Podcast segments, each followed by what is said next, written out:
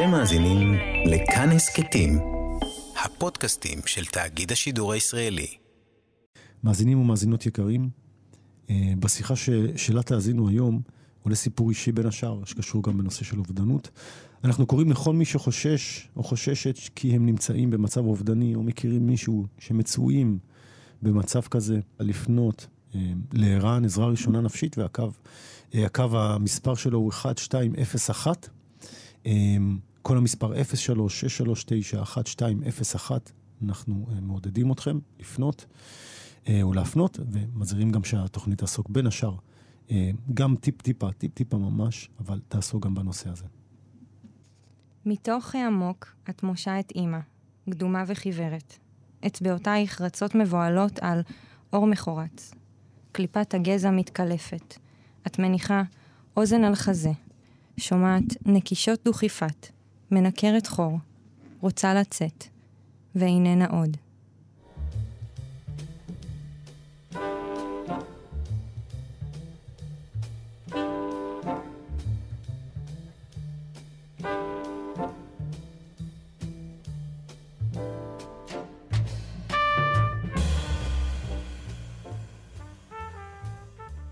שלום, ברוכים וברוכות הבאות, מאזינים ומאזינות, לתוכנית הרדיו ברית מילה בתאגיד השידור הישראלי, בכאן תרבות, יש לומר. 104.9, 105.3, אה, תגידו שלום לספיר פז. שלום שלומי ושלום למאזינות ולמאזינים. מה נשמע? מה שלומך? בסדר גמור. אמרתי נכון פז? כן. אוקיי. פז מאיפה זה? זה היה גולדברג, mm. כשהם עלו לארץ, ואז mm-hmm. הם קיצרו את זה אה, בצבא, כך נאמר לי. Mm-hmm. אה, כמו אין מילים בעולם, ספר שיצא בהליקון, אה, ספר ביקורים. כן. כן. אה, וזה גם רעיון ראשון שלך, אני חושב, לא? היה איזה משהו? היה משהו קטן, גם כן תרבות, אבל כן, זה רעיון ראשון. לא, זה החימום, כן. כשהם עושים לנו את החימום, אבל זה, זה המנה העיקרית. אבל אני, אני אגיד, כאילו, כמו שאומרים, פרח כמורה. יש פה פרח שירה, נראה לי מובהק ביותר, נכון? זה, זה בסך הכל גם ספר ביקורים מאוד מאוד לא פשוט, אה, מקיף אה, בעצם את הפרידה שלך מאימא שלך. אה, ובכל זאת, אני, אני גם אומר, לא פרח, את, את, את פרח שירה כבר, כאילו, רואים שאת שקועה בשירה לא מעט זמן, ואני חייב לומר, יש שם את המוזיקה שלך, אבל סתם עניין אותי לדעת קצת היסטוריה, ספיר פז. אז זה תמיד נחמד לשמוע, כי, כי אנחנו כל כך קטנים ויש כל כך הרבה אנשים בעולם וכל כך הרבה אה, שירה, לתחושתי, בעולם שלי. אה, אז זה תמיד נחמד לשמוע שזה מרגיש שזה לא, שזה לא הייתה החלטה של רגע. אה, ובאמת, ו, ובאמת אתה צודק, כלומר, הכתיבה היא המון המון שנים בחיים שלי. לפני שידעתי לכתוב, אה, אני מספרת גם בהספד פה, אה, שהייתי רוקמת סיפורים עם אמא שלי והיא הייתה כותבת אותם, וגם שירים. ואחר כך ככה יש לי כל מיני אה, דפים שאני שומרת של עצמי עם אה, עפרונות צבעוניים ושגיאות כתיב אה, כותבת כל מיני חרוזים. אה, וזה פשוט משהו שהולך איתי המון המון שנים. אני חושבת אה, על הילדות, אז אני זוכרת עצמי ככה בשלב יותר מאוחר הביאו לי מחשב, והעמדתי ממש, הייתה לי עמדה עם מדפסת והייתי... כותבת טקסטים, לפעמים סיפורים בדיונים, לפעמים שירים, לפ... כל מיני, לא הייתי... גיל? מאיזה גיל? ממש מגיל צעיר. ספציפית הזיכרון הזה עם השולחן הכתום. איפה גדלת? איפה גדלת? בפרדס חנה. פרדס חנה. על השולחן הכתום שהביאו לי מאיקאה ובנינו ביחד עם המדפסת והכל. הביאו לך שולחן מאיקאה, בת כמה את ספיר? בת עשר אה, הייתי אז. לא, בת כמה כן. את היום? אה, היום? כן. תכף שלושים. אה, וואו. תכף כן, שלושים. אוקיי. מה, לא נראית? לא, לא, אני בדור שלי בגיל עשר לא היה איקאה. לא היה לא- איקאה. אנחנו היינו... אה, לא חלק מהציוויליזציה. אני כן. סופר, אני באמת סופר אותנו לפני ואחרי איקאה, אבל בסדר, לא, תמשיכי, אז קיבלת... כן, יש עוד הרבה נקודות חוץ מאיקאה שהם לפני ואחרי. לצורך העניין, אני מאוד uh, מתגאה להגיד שאני זוכרת שסללו את הכביש ברחוב שאני גרה בו בפרדס חנה, ואני שייכת לפרדס חנה שלפני ה... מה שהיום פרדס חנה, אז, אז אני מבינה את ה... Mm. והיום את גרה ב? בתל אביב. תל אביב. אמ, אז גדלת בפרדס חנה עוד לפני שבעצם דבק בכינוי שבעצם אהוד בנאי ניסה לשחרר אנשים ממנו, כן? פרדס חנה כרכור וכאלה, לזה הכוונה? בעצם שזה היה עוד מושבה קטנה? גם שזה היה מושבה קטנה, וגם אה, כל, ה, כל מה שקורה היום של אה, טבעונות ויוגה ואיפיות וזה, אני זוכרת שאימא שלי הייתה כזאת כשהייתי קטנה, וזה היה האימא המוזרה. אה, כן. אה, אז, אז אחר כך זה הלך לכל הדברים האלה, והיה לי אנשים בבית ספר שעשו קרקס, והם היו רק הם, לא כל חוג, חוגי הקרקס התקבצו לשם.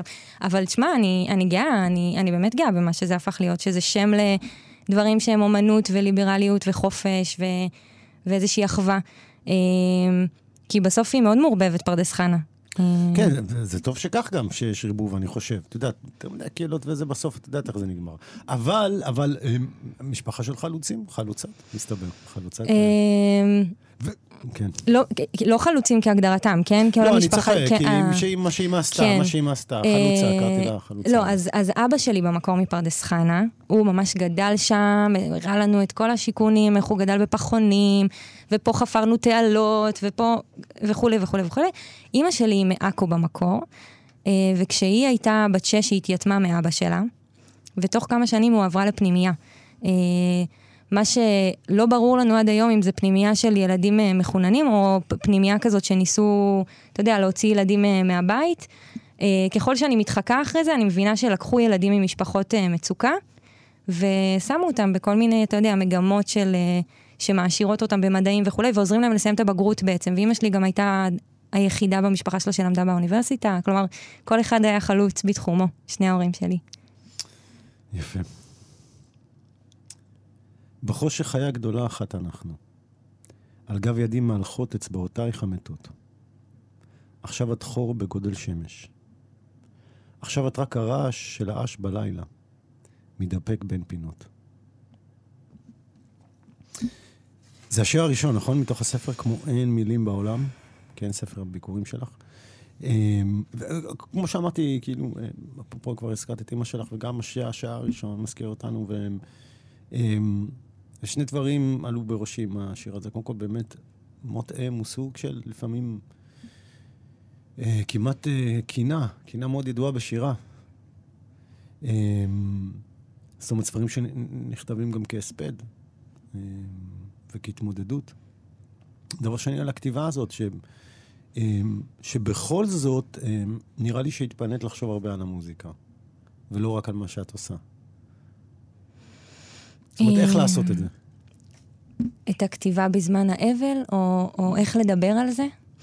איך אה, לכתוב, איך לכתוב את זה? אני מדבר ממש אסתטיקה. אני, אני, אני חושבת שהרבה מהספר הזה יצא באופן, זה באמת נשמע קלישה, אבל אני, בהן צדק אה, כך היה. אה, התאבלתי, התאבלתי מאוד, והייתי פשוט שרה לשולחן הכתיבה שלי, וזה היה באמת מוכה, מוכה, הכאה, באלף, אה, מתוכי. כאילו, יש לי חברים עדים שהיינו, למשל, היו באים לבקר, והייתי אומרת, רק רגע בבקשה. והייתי ניגשת. אה, ודאי שהייתה שם אחר כך עבודת עריכה ועבודת איסוף.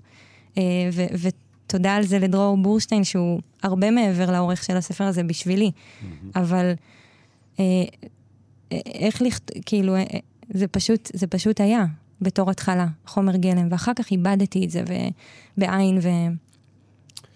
אה, שיר. נשאר לי כלום להתכסות בלילה, כלום.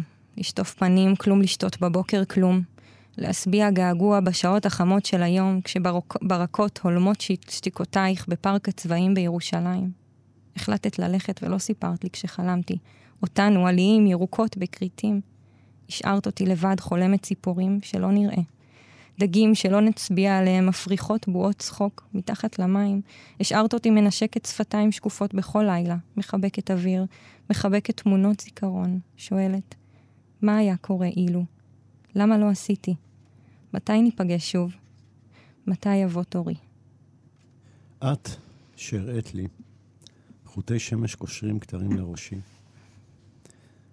את ששזרת בלשוני שפת קודש של דבורים ונשמות גבוהות. משרשרת עכשיו סיגריות בחצר בית החולים, בחצר בית חולים פסיכיאטרי, בואה באדמה, שותקת, כמו אין מילים בעולם. אמ, הקראתי את השיר שהוא בעצם גם המוטו של הספר, והשם של הספר, אומר המוטו של הספר. באיזשהו מקום הוא נראה לי גם מתישהו המוטו של הספר. זה ממש נכון. לחבר ולהבין מה, אמ, מה עשית פה ולמה כיוונת. אמ, שוב אני אומר, כוונת המשורר לא מעניינת אותי, כאילו, ממש היסטורית. מעניין אותי פשוט לחשוב על השאלות האלה כשאלות מנחות אותי, כן? מה... להניח ש, שיש משהו מעבר, ו... אה, איזה רמז הרבה פעמים משם של ספר, או כמו איזה פירור קטן. והמקום הזה שמדברת על אימא שלך כמי שאחראית על המילים, באיזשהו מקום לבוא, לבוא להגיד למישהו שקורא ספר שירה, כמו אין מילים, זה בעצם הדימוי הכי, הכי לא... לא... לא, זאת אומרת, הכי לא צפוי. זה איזושהי סתירה, אני חושבת. כן, כן. בעצם זה פרדוקס. על ידי השירה עצמה, את רוצה לבוא ולהגיד, הנה, ככה זה. זה כמו, אתה, מש... אתה אוהב שירה, כאילו נתלה ממך יכולת לענות משירה. משהו כזה, אין יותר מילים עכשיו. אני חושבת שזה זה גם הדימוי שבאופן כללי הלך לי עם שנת, ה... עם שנת האבל. כאילו, מבחינתי זה כמו אין חיים יותר. אבל, אבל, אבל הנה, אני מצליחה יום-יום לשבת ולכתוב את השירים, ואז לאגד אותם, ואז לעבור תהליך עריכה, ואז למצוא משהו שאני בשבילו קמה. זה הייתה חלק מההתמודדות. אה, כל ה... אה, במרכאות אני עושה בריחה אה, לשולחן הכתיבה, זה כי אני לא רוצה... אני, זה הכי חשוף ואני הכי כנה איתך. אני לא רוצה להיות איתכם עכשיו החיים, אני רוצה להיות איתך. ו... ואני מרגישה שלא סתם, אתה יודע, כאילו, אמנם יש לי רקע בלימודי שירה, הרבה, לא ניכנס לזה, זה לא רלוונטי, אבל הבחירה באת היא לא הייתה איזו בחירה מחושבת. אני רציתי לדבר איתה, אני רציתי אה, גם להיות איתה. כאילו, הרגשתי אותה פיזית, אני מדברת על זה, אני מרגישה את הגוף שלה, ואני רואה את הכל כל כך ברור. אה, ואני רציתי לדבר איתה, אני, גם היה לי, אתה יודע, חשבונות לסגור ו- ו- ואת כל התחושות להגיד, כי, כי זה המקום שאתה הולך אליו, להביע את ה... וגם אצלי היא באמת הייתה כזאת. אה, אם אני מדברת ביוגרפיה, אז אה, בשנים האחרונות שלה היא פחות אה, הייתה נמצאת, היא הייתה המון טסה לחו"ל, לדרום אפריקה, אני מתייחסת לזה בשיר האחרון בספר. האמת היא שאני מתייחסת לזה בעוד כמה שירים. העגורים? גם העגורים וגם uh, שהיא חיפשה שאריות אוכל לתת לילדים באפריקה, והיא באמת הלכה, הלכה לילדים באפריקה שהם בשכונות עוני וזה הטריד אותה. ומה שאני מנסה להגיד זה שהיא לא הייתה פיזית בשנים האחרונות, uh, אבל היינו המון מדברות בווידאו, גם אפרופו הקורונה וכולי, זו הייתה אז התקופה. היא נסעה לטפל בילדים באפריקה? לא באופן ממוסד. Mm-hmm. Uh, אני חושבת שכאילו זה היה סביב ההידרדרות של מצבה הנפשי. Mm-hmm. Uh, אתה יודע, היא מסגרה את זה בתור טיול של uh, פנסיה, אבל זה, זה לא היה צפוי, לא ידענו לכמה זמן זה. אני זוכרת שהיו ימים שלא הייתי ישנה כי לא ידעתי איפה היא. כי אולי בלי קליטה, או כי אולי... בשנים האחרונות שלה היא ואבא שלי היו פרודים. אמ, ואני חושבת שחלק מהתסמינים של המחלה הזאת ושל החומרה, חומרת המצב שהייתה, היא, היא לא הייתה בקשר עם המון מעגלים שלה, ומי אה, שנשאר לה זה בעיקר אנחנו, אני ושתי האחיות שלי. אמ, אז, אה, אז כשהיא יצאה לאפריקה והיא טענה שהיא הולכת, אה, אתה יודע, לחפש איך לחבר קווי מים לפחונים באפריקה, בפאתי קפטאון, מה יכולתי להגיד לה? כאילו, היא שלחה תמונות, היא נראתה נהנית, היא חזרה פעם בכמה זמן. לאט לאט האסימונים נפלו. אפרופו מה שאת מספרת, את לא ישנה, את לא יודעת איפה היא. זה משפט אחד שאימא אומרת על ילדה. שילדה לא אומרת על אימא, כן. כן. אה, כן. כשאימא אומרת, אני לא ישנה כל הלילה, איפה היית, איפה היית. אמ, באמת יש איזה כמה שירים בספר שאת מתייחסת בעצם קצת לחילופי תפקידים כאלה? חד משמעית. רוצה לקרוא משהו מהם? יש לך אחים, דרך אגב, ספיר? יש לי שתי אחיות מאימא. שלי, ואח אחד הוא, הוא רק מאבא שלי, מהנישואים. הראשונים שלו. אה, ואת כולם אני אוהבת. עכשיו את ילדה שלי, אימא. מצונפת על כיסא בגינה, קפוצת שפתיים, מספידה. בין הגבות מלבינה שערה, מרעידה וריד במצחך השזוף. היית יפה כשהייתי תינוקת. ידייך רועדות, פעם שזרת בשערי צמות. את כבר לא מחליפה בגדים, שערך הפך מקלות. מתנחמת בגלגול טבק. ציק ציק, עוד סיגריה דלוקה. תפוז סיני לא יובא עוד לרתיחה בסיר סוכר, לשווא ימתינו פזורים כתומים לריקבון. חוט ארגמן לא, יוש... לא יושחה לרקום, פרחי לבד. לשווא, בדים חיוורים, ינוחו. אני אקריא את השיר ש... בעמוד לפני, ברשותך. עלי הערב. מתחיל עם מוטו של נורית זרחי. הנה באה הציפור הגדולה מן הניסיון. מרוטה מכדי לשבת על ביצים. אמא הקדומה ומפויחת, צילה מתעבר בין הערביים, בקרוב תישבר ותצנח. מרוטה נולדה. החיים ידעו מה יעשו בה, והקדימו לסמן. האם תמיד היו שערותיה פנינים? האם תמיד חרשו פניה קמטים? היא הציפור הגדולה. היא הניסיון הנשחק. עכשיו, בגפה, היא מתפעלת ממשב רוח בעלי עץ תפוז ננסי. הידוע בשמו הלועזי? הידוע בשמו הלועזי, העץ תפוז ננסי? כן. תספר לי. אה, קונקוואט. לא ידעתי. כן, קונקוואט. לא ידעתי. זה התפוז הזה עם פלח אחד. יש לי חבר שמגדל אותם. כן. כן, חשבתי על זה. פלח אחד, לא חשבתי על זה שיש לו לא, פלח אחד. זה כאילו, כן, זה. איזה יופי זה, שלומי. פלח ארוז. נו, זה משורר, מה לא, זה, לעשות? אני לא, לא, זה באמת פלח אחד ארוז. אני לא הכרתי את זה, אני אומרת לך, גדלתי עם זה, הכנתי עם זה ריבות, ולא ידעתי שאומרים על זה אספת שזה את פלח אחד. את כל הכתומים האלה, ו... הקטנים האלה, כן, כן, כן, מוציאים את ה- את הגרעינים, חלק שמים כדי שתהיה צמיגית, הריבה. כן, משתמשים בזה לריבות בדרך כלל. כן, זה מה שעשינו עם זה. זה באמת התפוז הננסי הזה, שמופיע בכמה שירים, שזה כבר ב-100% יותר מכל ספרי השיר האחרים ש- שקראתי על קונקוואט. אמ, ובאמת כבר בזמן אמת, אפשר להגיד, את כבר מתחילה קצת להתאבל. זה ממש נכון, אתה יודע, הייתי ב- באחד מה, מהשיעורים שלמדתי, למדתי ב- באוניברסיטה העברית בין היתר, ב- בתוכנית לכתיבה יוצרת, ואני מקריאה שיר. זה אחד השירים שפה, שאני חושבת שיכול להיות שזה השיר שאני הקראתי. אמ, והמנחה בקול סרלואי, שואלת אותי, מה קרה לאימא? היא מתה? ואני אומרת לה, לא. והיא שואלת אותי, היא חולה? ואני אומרת לה, כן, אבל בתוך תוכי אני לא יודעת שכן. ואולי בעצם אני יודעת, אבל באותו רגע מול הכיתה, אתה יודע, אמרתי כן. ו- וזו הבחנה יפה, כי אני חושבת שכשהסתכלתי אחורה ועשיתי את העבודה גם של הכתיבה של השירים החדשים שנכנסו לספר, אבל גם הסתכלתי על שירים אחורה, הרגשתי כאילו משהו בנשמה, אני לא יודעת, אני לא יודעת במה אתה מאמין, אבל משהו בנשמה ידע. אה, וכשאני הייתי, אני והאחיות שלי הרבה מדברות על זה, ויש לנו קשר מאוד טוב. ואנחנו נזכרנו ביחד שכשהיינו ילדות, היה לנו מין איזה, יכול להיות שבגלל שהיא לא הייתה והיא עבדה הרבה, היה לנו קטע שהיינו מחבקות אותה ואומרות לה, אמא, אל תמותי. וזה נקודות כאלה שאתה נזכר בדיעבד, כאילו, מבחינתי זה משהו בנשמה... אה, ספר הארדקור. הספר הכניסה שלך לעולם השירה הוא בעצם ספר על אבל. אבל. אבל שמניח מניח את עצמו שם. אמ, אפרופו שולחן הכתיבה, כן? נזכרתי בשיר של שי שניידר, אילת, גם כן אמ, ספר ראשון, גם ספר אבל, פעם הבן זוג, והיא גם מדברת על הכתיבה ועל המקום הזה, שבעצם זה גרם לה לשבת ולכתוב באיזשהו מקום, אפרופו האבסורדים של החיים. הרגשת ככה גם? זה הדבר שהביא אותך לכתוב בעצם? שדחף אותך? ו... זה לא היה כך. אמ, אני כתבתי הרבה שנים, ואימא, זה היה מאוד אימא שלי, כמו שאמרתי, והיה לה גם צד שהוא היה מאוד אה, הישגי לשני ההורים שלי. והיא חלמה את זה שאני אוציא ספר שירה. ובדיוק הייתי, ב...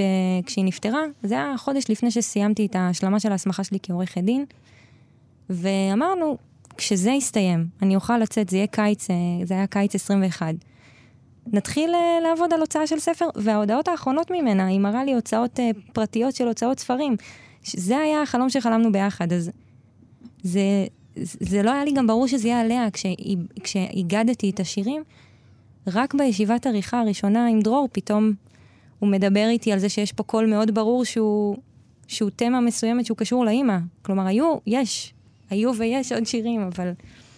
אז כך זה התגבש. צריך לעשות פה stop רגע. אני בטוח שהמאזינים אה, שהקשיבו לתוכנית עכשיו שאלו את עצמם, מה זה היה? הסמכה לעריכת דין? האם אני מראיין פה בתוכנית עורכת דין מדופלמת? אז כן, לא זו אף זו, כמו שאומרים, או ו... קו נכון. נטוי סלאש. יש שם פה עורכת דין בתוכנית. אז אז סליחה שאני קוצר, אנחנו, אנחנו נחזור לשם, אבל זה גם, זה גם מעניין, יש לנו פה עורכת דין מדופלמת. שוב אני אומר, כי שיצא לו קצת להכיר פסקי דין וכאלה, הרבה פעמים מבין כמה גם השפה שם היא כל כך חשובה, וכמה אמ, ההתנסחות, ולפעמים... אה, אולי משפטים זה, אה, משפטים זה כמו שירה בלי לקחת אחריות על כלום, אני לא יודע מה. כאילו מכסים את עצמך מכל כיוון, מכל כיוון נכסה את עצמך. או ו, או לחלופין, לחלופין, לחלופין. תחליט, תן לנו טיעון כבר, תזרום עם זה, תן לי נכון. רעיון בשיר. זה גם הפוך משירה בקטע הזה, אתה יודע, אבל זו שאלה איזה משפט אתה עושה, כי אתה מדבר על כתבי טענות. אבל, או נגיד כשאתה כותב פסקי דין, אבל נגיד שאתה כותב חוקים. אתה צריך להיות מאוד מאוד תמציתי. אוקיי. דווקא זה אני מאוד אה, מתחברת, דווקא אותו ראש כמו השירה ב- דווקא שם במחשבה זה שלי. תמציתי יותר. כן, אה, כן. אז זה מאוד מתחבר שם לדעתי זה מאוד לשפה. אלגוריתמי, קצת, קצת מאוד קשה, כמו מחשבים כזה. קצת, נכון. אז מה, למה, את עורכת דין. נכון. בפועל, את, את עוסקת בזה היום? אה, בחודשיים שלושה האחרונים לא, אני בהפסקה. אני לא יודע מה היה פה, אני שנים בתוכנית, לא יודע מה היה לי פה עורך דין. ב... אני שמחה להיות הראשונה. לא, כן, אני גם שמחתי שיש כל מיני profession, כי בסך הכל שירה זה לא מקצוע שאתה מתפרנס ממנו, אז יש לך הזדמנות להביא אנשים כל מיני... אני חושבת שזה גם מאוד פותח. כאילו זה עוד דברים חוץ מהשירה, נותן לך לראות עוד דברים שמסירים אותך, נוגעים בך ומרגשים אותך, ואתה... אני אוהב סטנדאפ למשל, מאוד, זה גם. כן. לא, כי גם במשפטים הרבה פעמים, אפרופו, כל פעם שאנחנו רואים את הסרטים, אנחנו רואים, אנחנו יודעים כמה על הפונקציה הפואטית, כן? יש מקום ב... מה, אני יודע, הדוגמה הכי מפורסמת שאני זוכר, המשפט שלו, ג'יי סימפסון, שהעורך דין צועק בסוף, אה, If it doesn't fit, you must acquit. אם זה לא מתאים, אתה חייב לזכות. הוא מצא איזה משפט, ובסוף המשפט הזה תפס.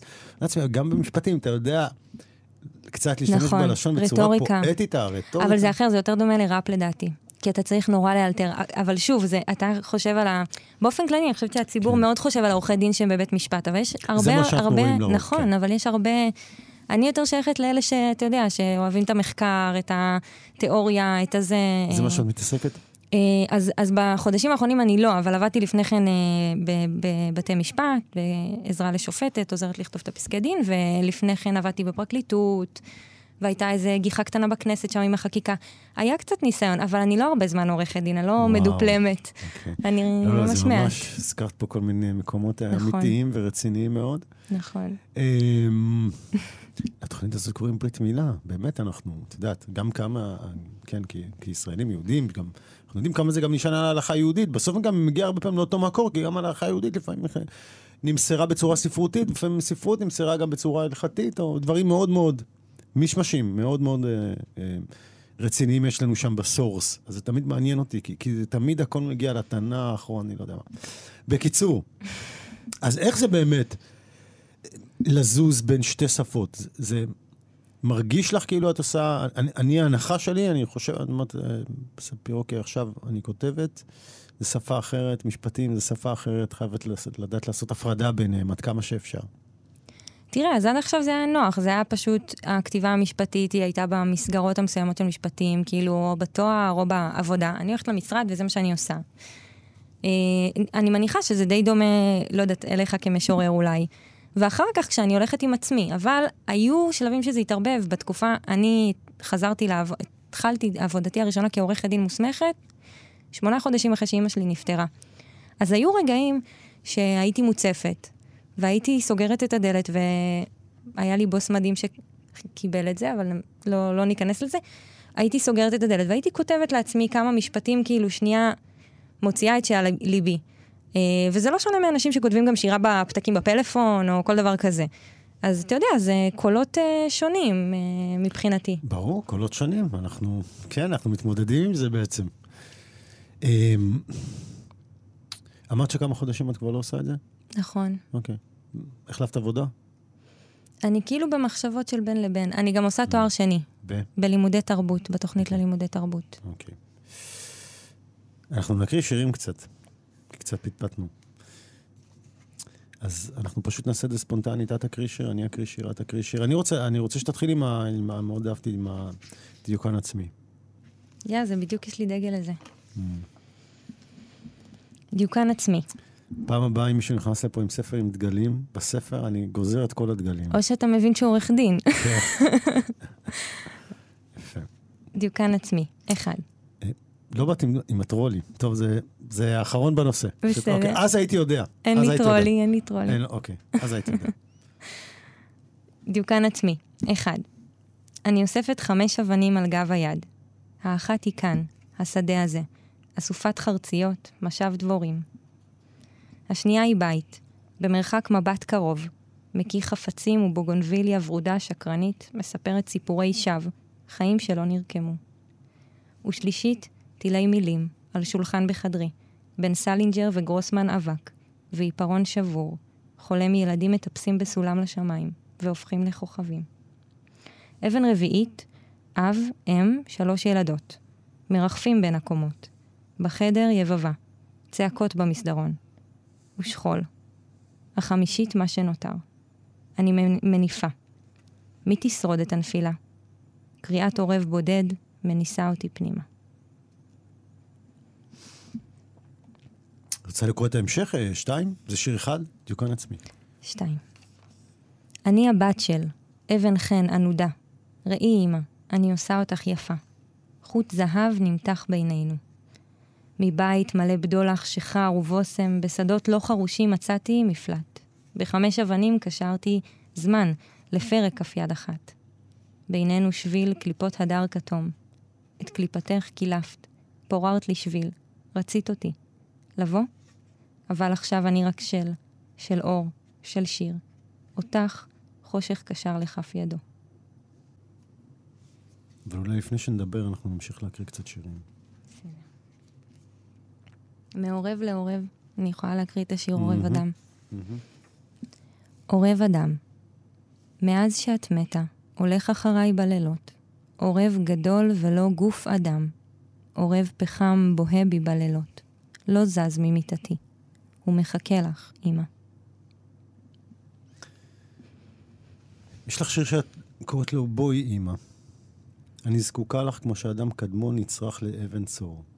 לרוצץ, להדליק, לבקע. אם כבר לחדול, אז ביחד. אם לא תבואי, אבוא אני. לבד. הגן שלנו. נכנסת לי באמצע הישיבה של הצופים, כשהיינו ארבעים נערות ונערים מצחקקים מילים גסות. החלטת שזה הזמן לדעת איפה אני מסתובבת. התיישבת לידי, בדיוק באמצע, מלמלת. תמשיכו, אני לא מפריע. לא שכחתי איך בדרך הביתה ביקשתי גבולות. רציתי להראות לך את גדר השיחים שאני מטפחת בינינו. כזו בריאה שאפשר לעבור.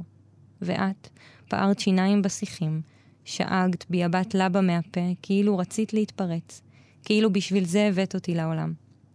שתקתי כי כפות הרגליים שרפו לי ולא יכולתי להמשיך לשבת בלא ההגש, אבל גם לא יכולתי לברוח. שתקתי וחיכיתי לגשם, והזמן זרם לי בדם, ופעם ברקות, וכסס לי ציפורניים, והלבין לי שערות. ועד שסוף סוף באת, עם צבא המטריות, שרכשת באין סוף חנויות, מחייכת להסיר מהן אבק, מחייכת לסלק טענות ומסעי קניות שווא. עד שהבאת את חיוך השמש ויכולתי להסתכל לך בעיניים, עד שנתת לי למצוא אותך. גורת הדם שלי, חבקי אותי. חבקי אותי עד קצות ציפורנייך החדות. אני אוהבת אותך, אמא. קחי אותי איתך. מיד אחרי זה עוד שיר שרציתי להקריא. עמדת בראש המדרגות, גבוהה, לבנה ומרחפת. כנפייך כיסו את השמש, נפרסו על פני העולם, כולו. שאלתי אותך, איך אפשר עכשיו לחיות? דחפת אותי למטה, ככה אמרת, דחפת אותי. לחיות את העולם דחפת החוצה מתוכך כשאני עטופה חוטי דם רקמות דקות. כל בוקר שוב את מתה. כל בוקר שוב אני אינני מתה. אולי היום, אולי היום יקרה הנס להיגאל מענותך.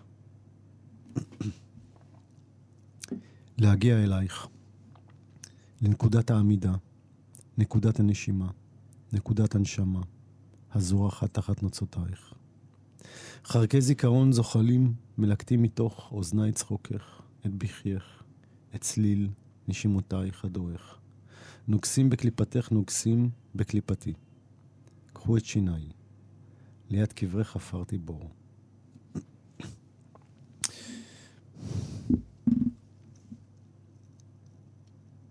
איך אפשר לחיות? והיא דחפה אותך. היא דחפה אותך. טוני סופרנו מספר פסיכולוגית שלו על החלום שיש לו על אימא שלו. הוא חלם זה אוטובוסים, והאימהות, ובסוף כשאיכשהו מנסה להבין, הוא אומר, לא, האימהות היו האוטובוסים, והם הורידו אותנו, ואנחנו במקום לרוץ ולרוץ, אנחנו רק רצינו לחזור לאוטובוסים. הקטע הזה של האימא, שהוא מביא אותך לעולם. אני זוכרת שכשהייתי קטנה... מאוד, מאוד אהבתי שדיברת על הכוח הזה של הדחיפה, שהוא כן. כל, שהפכת את זה לאיזשהו מטאפורה יפהפייה. אתה לא רוצה, טוב שם, לא, היא דוחפת אותך, היא עושה את הפעולה הזאת שבסוף היא אולי תתחרט עליה גם. כן, אני זוכרת שכשהייתי קטנה, אז uh, חוויתי כל מיני משברים uh, אקזיסטנציאליסטיים עוד לפני כל שהדבר הזה קרה.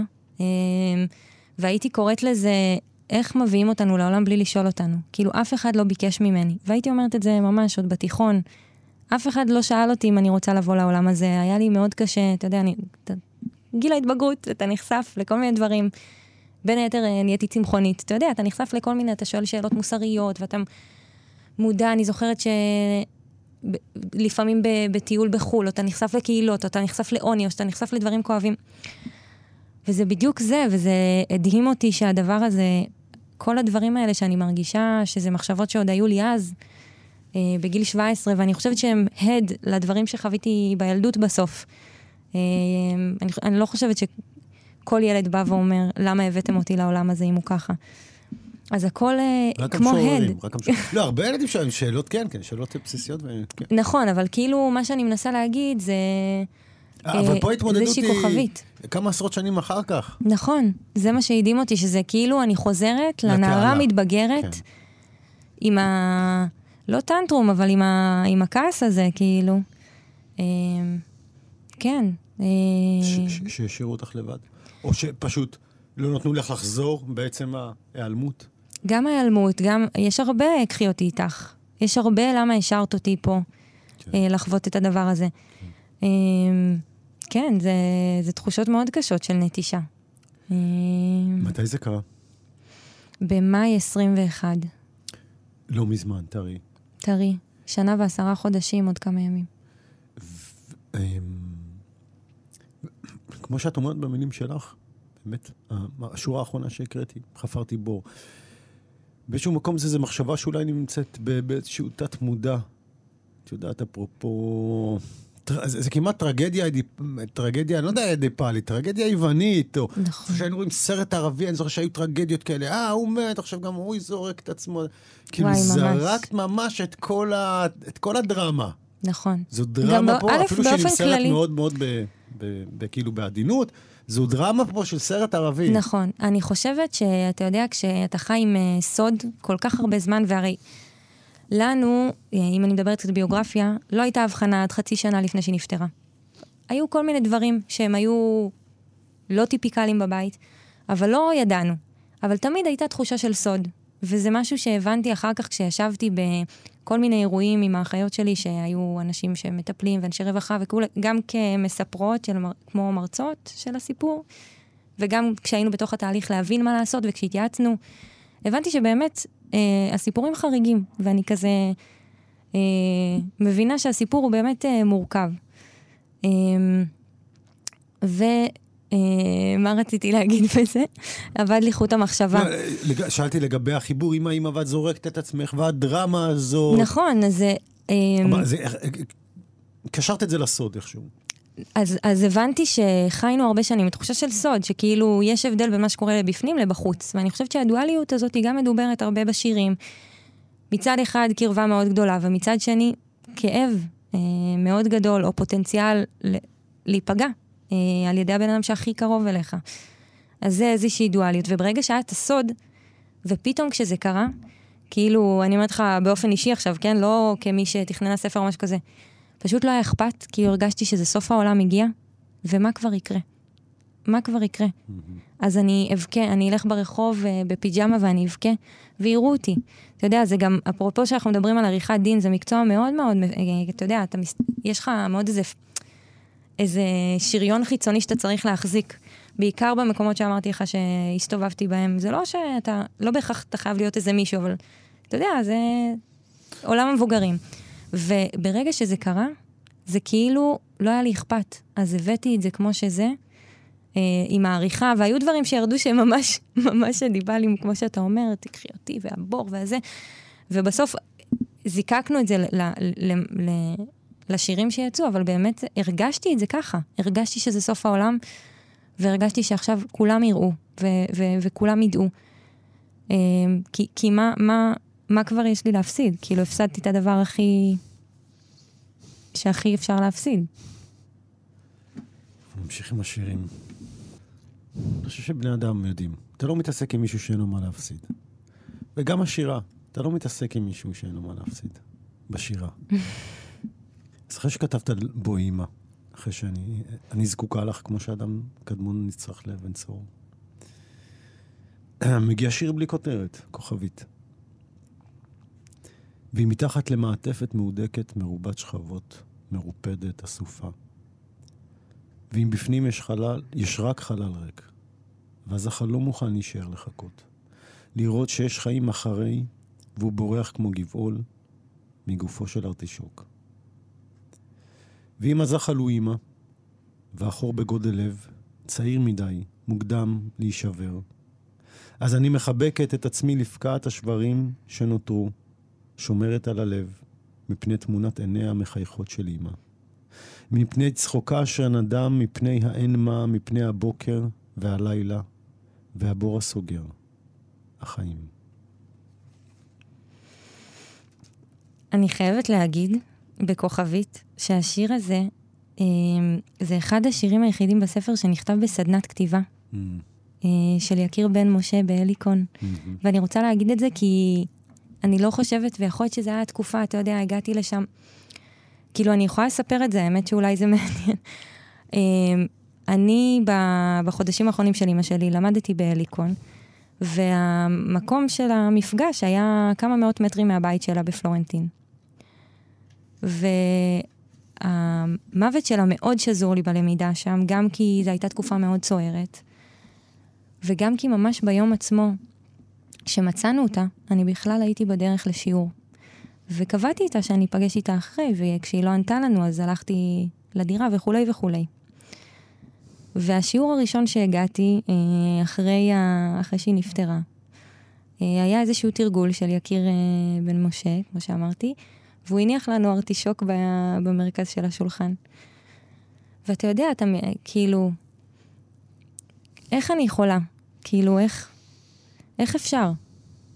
אמ, ויצא, יצא משהו, ואני, אני לא יודעת, הוא, הוא, הוא יקר לי, הוא בליבי, אז אני, אז רציתי לציין את זה, וגם, אה, וגם אה, באמת רתמתי הרבה, כאילו, הרבה מהשירה היא, היא הייתה כלי בשבילי בתקשורת עם אימא שלי, אפרופו השיר שקראנו כמו אין מילים בעולם, התהום הזאת של השתיקה שהייתה שם בינינו, היא הייתה כל כך חזקה נוכח כל השפות שדיברנו אחת עם השנייה, השפה של הדבורים והשפה של הנשמות, אבל גם השפה של השירים.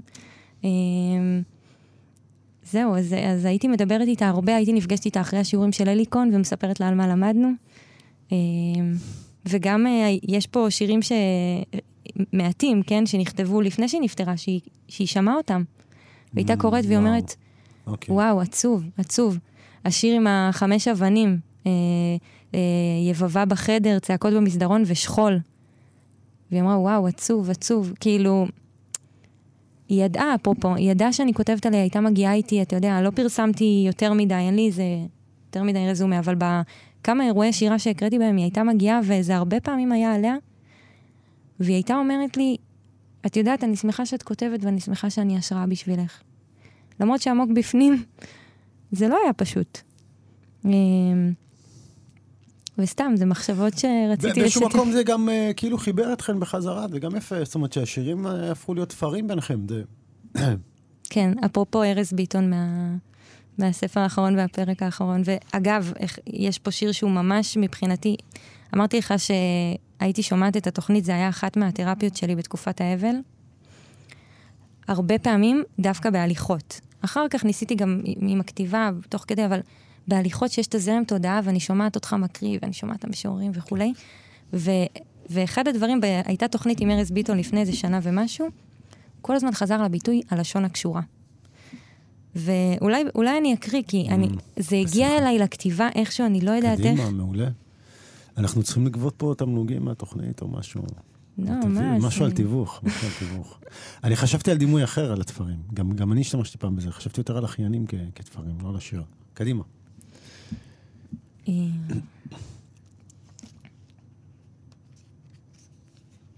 שיר ללא שם. היום קשרתי את הלשון לצד השני של הקיר, כמו חבל כביסה, שאוכל להקיא אותן, אותך, בשקט, בלי הרפלקס לנסות לבלוע אותן, לבלוע את היונים בחזרה. פחדתי שיברחו ממני, היונים היחידות שנשארו וישחירו באוויר העולם. נבהלתי שיימשכו למערה שכוחת מלאכים, יימשכו אל השחור העוטף ויהפכו לעטלפים חגים בלהקה. הם הסתבכו בחוטי הזמן, צווחים למצוא גומחה, להסתתר מהבדידות, מעין ילדות, מעין רעב או שובע. כולן יהיו חרשות ולא יהיה אפשר לחבר. קשרתי את הלשון שלי היום שלא יברחו לי היונים, שלא יצאו ממני אל המזוהם והאפור, אל המקום בו אי אפשר לזכור את האין. אי אפשר לרקום אחורה את החוטים שנפרמו שהיו אהבה. אפשר רק להיקבר אל תוך גופם של עטלפים צווחים, את דרכם אל חושך גדול יותר, הרחק מהמקום בו אני במים. ניתזים מעלה ואז צוללת חזרה. אני ברוח, מתערבלת בלהקת עטלפים צווחים. אני באבן, שיש לבנה, בבית הקברות בפרדס חנה. כמו אין מילים בעולם. דיברנו על הפרדוקס הזה. בסוף הספר הפרדוקס, מה שנקרא, משווה ומעלה את עצמו. כי הספר הוא כולו מילים. תחשוב שאין מילים. אמ, כן, אני חושבת שאתה יודע, האנשים הקרובים אליי, אז הם אומרים לי, זה איזושהי, הדבר הזה זה תעודה אה, לזה שכאילו, ש, ש, שאפשר, אפשר להמשיך, כאילו גם כשזה נראה לך שהגעת לתהום הכי גדולה, בגלל זה זה רק כמו. אני חושב שזו התעודה רק לעצמך. זאת אומרת, יש פה איזה סחר חליפין מאוד מעניין בעצם, בין מוות ויצירה. ממש, ממש. אפילו אני חושבת שזה היה שלב מאוד משמעותי ב, בשלב של המיקוח באבל. הייתי, איך- מסתכלת על יומנים או דברים שכתבתי, כל הזמן הייתי חוזרת על זה, הייתי רוצה לתת את הספר הזה ושהיא תחזור בחזרה. Mm. לתת את הכל. כי היה בזה משהו מנחם, שאני כותבת ומקבלת את התיקופים החיצוניים של האנשים הקרובים שלי ששומעים, או של אה, הוצאה שרוצה להוציא לאור, או עורך. וכל הזמן הייתי מוחמאת ושונאת את זה. Mm. אמ, וגם הרבה הדימוי, עלה לי הרבה הדימוי של, אה, של אה, תינוק שנולד וה, והאימא נפטרת בלידה, שאני מצטערת אם זה רגיש למישהו, שאני מדברת על זה ככה כדימוי, אבל הרבה הייתי חוזרת על האבל כמו התינוק שלי, כמו התינוק שלי והספר, ו, והיא נלקחה ממני, ואני לא יודעת, כאילו, אני אמורה לאהוב את זה, אני אמורה להיות גאה בזה, אבל איך אפשר להיות, איך אפשר להרגיש את הרגשות האלה כשהיא לא פה לחלוק את זה איתי, כשזה... אני חושב שבאיזשהו מקום את הוצאת את הספר כ... כמשקל נגד. זאת אומרת, סתם, אני מהמם. מנפק פה את... הצעה, כן, בסדר. באיזשהו מקום, משהו כדי דווקא להיאחז בו, כמו, אה, את יודעת, כמו... כמו לשמור קצת את האנרגיה, זה גם באיזשהו מקום קצת תחליף הספר, יש תמונה שלה שם בספר. אמ, כן, יש מי שאומר שזה אנדרטה. זה סוג של משהו ממשי בעולם הזה, אבל כן. לא ספק המקום של השירה הוא באמת הופך את זה למורכב יותר, כי אנדרטה, את מוציאה כסף, עושה פרויקט, כמו שאת אומרת, מקבלת נכון. מחמאות ופה ושם. זה קשה, זה ממש תחושה קשה. כן, אבל זה גם, כמו שאמרתי, גם באיזשהו מקום זה גם אה, עניין אנושי. כמו שאת אומרת, זה, זה הגיע ממקום אמיתי, אז זה בסדר. כן, איך להתמודד עם זה, זה לא פשוט, אבל שוב, זה הגיע ממקום אמיתי, וגם המילים האלה שאת אומרת שלא קיימות עכשיו, אלה המילים היחידות שיחברו ביניכם.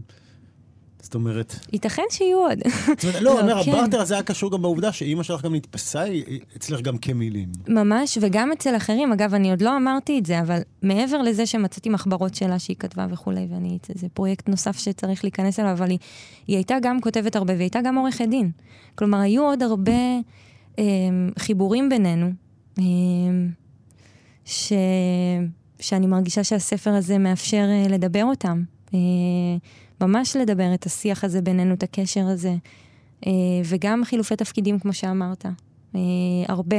אני חושבת שזה טיפיקלי לאנשים ש, שיש להם אה, הורה מתמודד נפש, אבל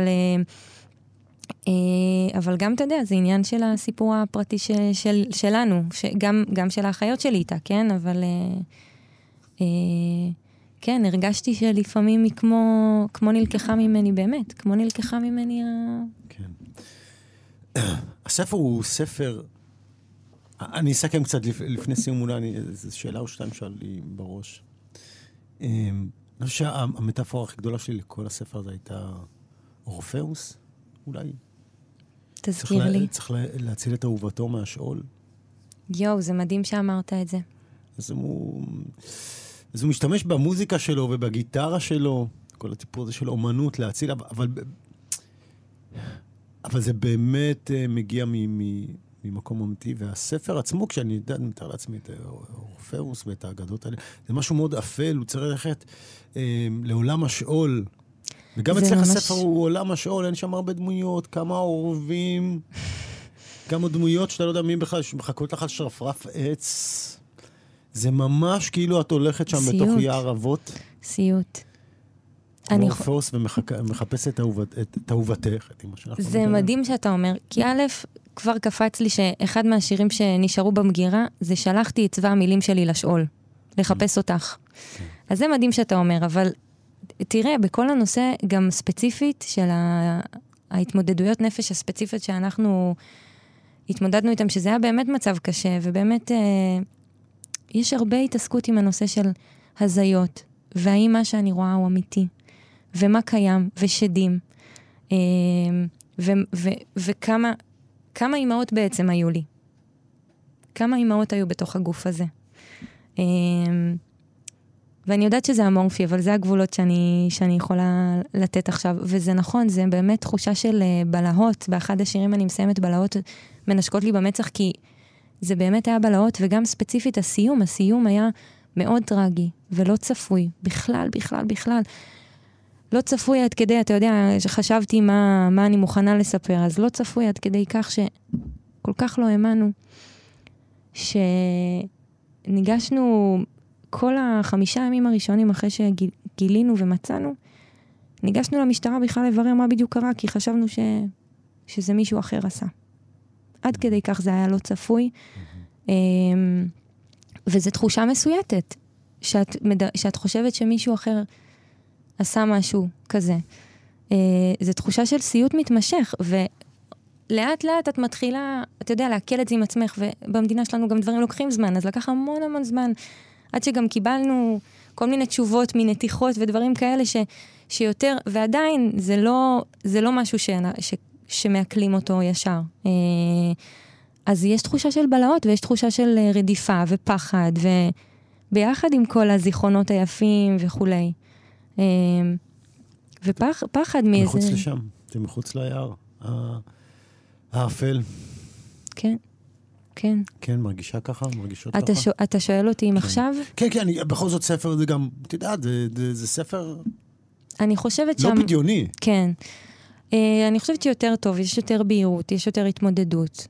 obviously שברגע שדבר כזה קורה, זה לא obviously, אבל לפחות אצלי במשפחה, זה...